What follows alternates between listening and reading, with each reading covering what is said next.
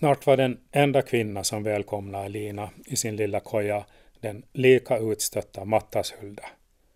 Till vilken hederliga kvinnor bara vände sig för att kurera krämpor av skamligt slag, köpa hennes dekokter som dämpar leda och svårmod eller för att fördriva oönskade foster.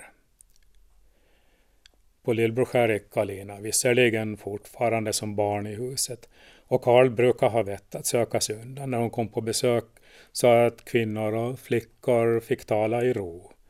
Och såväl på Kråkören som hos Isakssons på Pepparn kunde hon ibland få lite omväxling till den enahanda umgänget där hemma. Naturligtvis önskar en 16-åring ändå lite mera umgänge och vidare vyer än så, men långt kunde hon inte bege sig som småbarnsmor. Och då återstod för henne den drygt 20 år äldre Hulda. Hulda var en stark kvinna.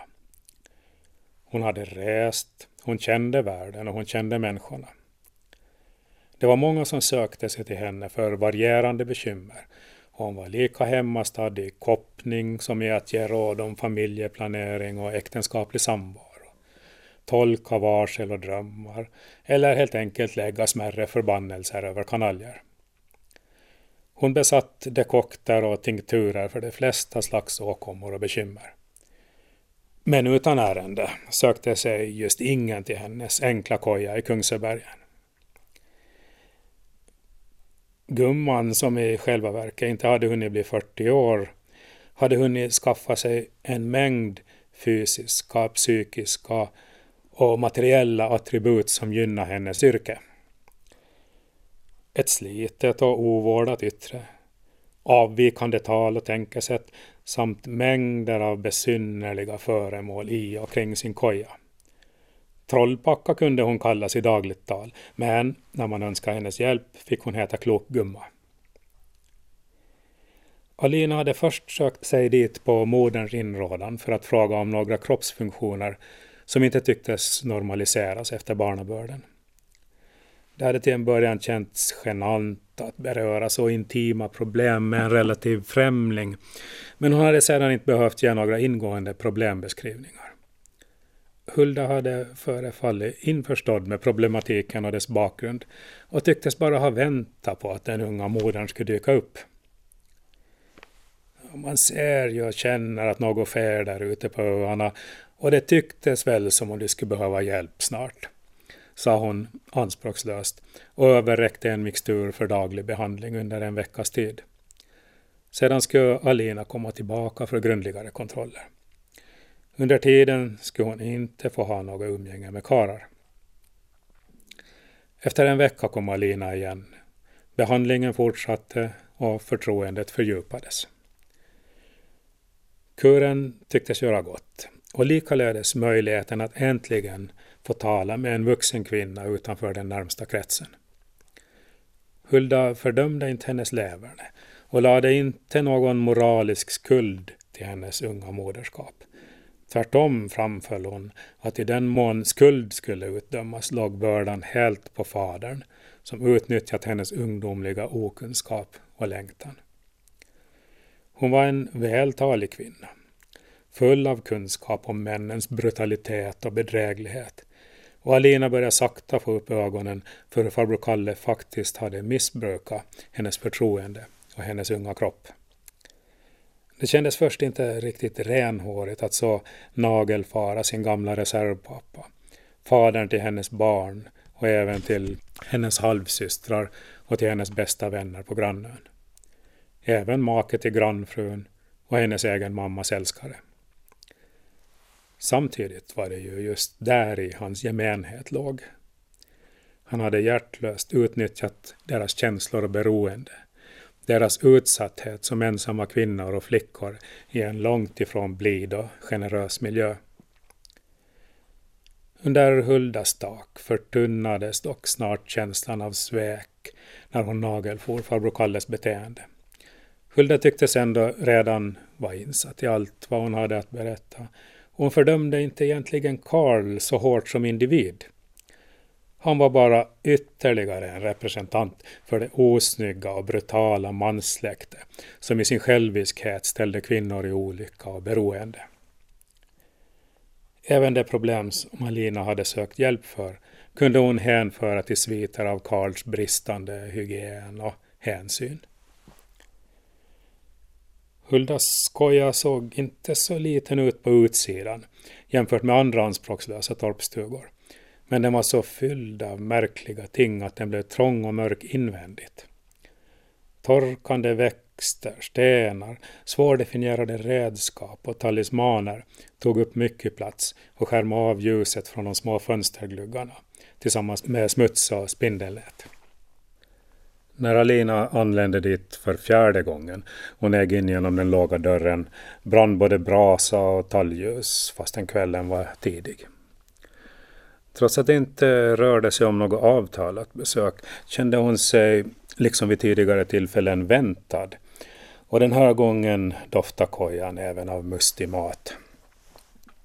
God afton, hälsade Alina. Jag hoppas att jag inte kommer att störa. Jag ville bara titta in och prata lite. Inga störde mig, jänta. Och nu ska du ha mat när du har tagit dig in över vattnen. Jag har en orre i grytan som precis blir klar och lite annat gott till det. Din hälsa kan vi prata om sen. Men jag kan redan se att det håller på att eh, komma på rätt med dig igen. Du börjar bestämt se ut som en vårblomma. Sätt dig ner vet jag, så ska jag ställa fram. Eh, någon sorts ruffig trivsel hade Alinaren vid tidigare besök erfarit bland den brokiga samling av kända och okända föremål och aromer som fyllde kojans enda rum. Eh, men denna gång var trivseln mera accentuerad.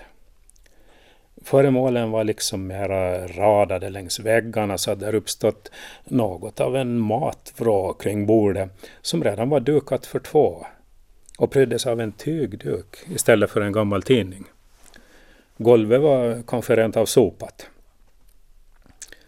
Vad fint du har det, sa Alina när hon satte sig.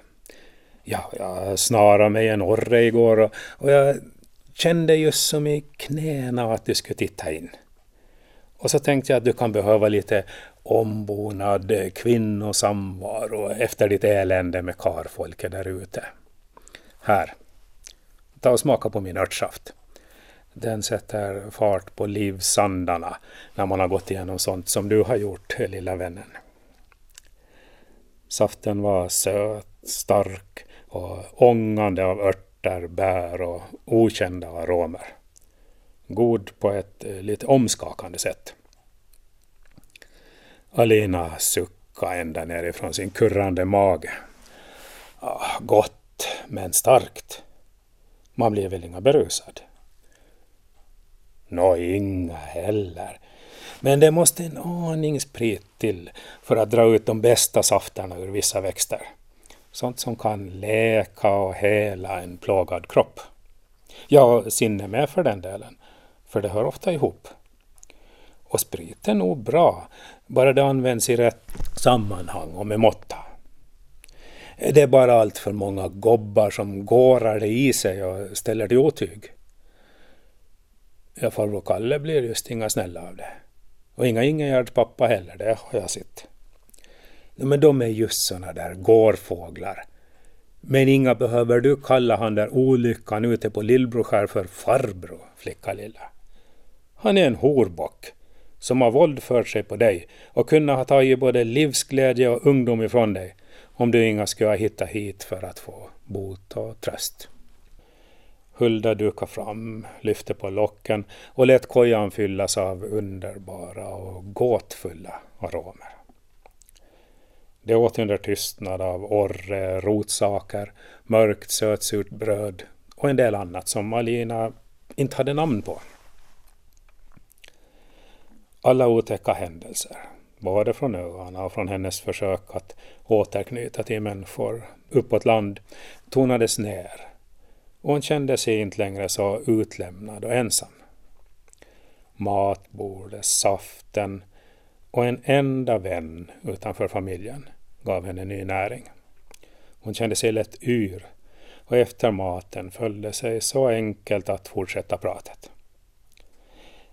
Inga kan man riktigt säga att han våldförde sig, farbror Kalle. Det var, det var mera som en lek. som en fortsättning på alla lekar vi hade lekt när jag var liten.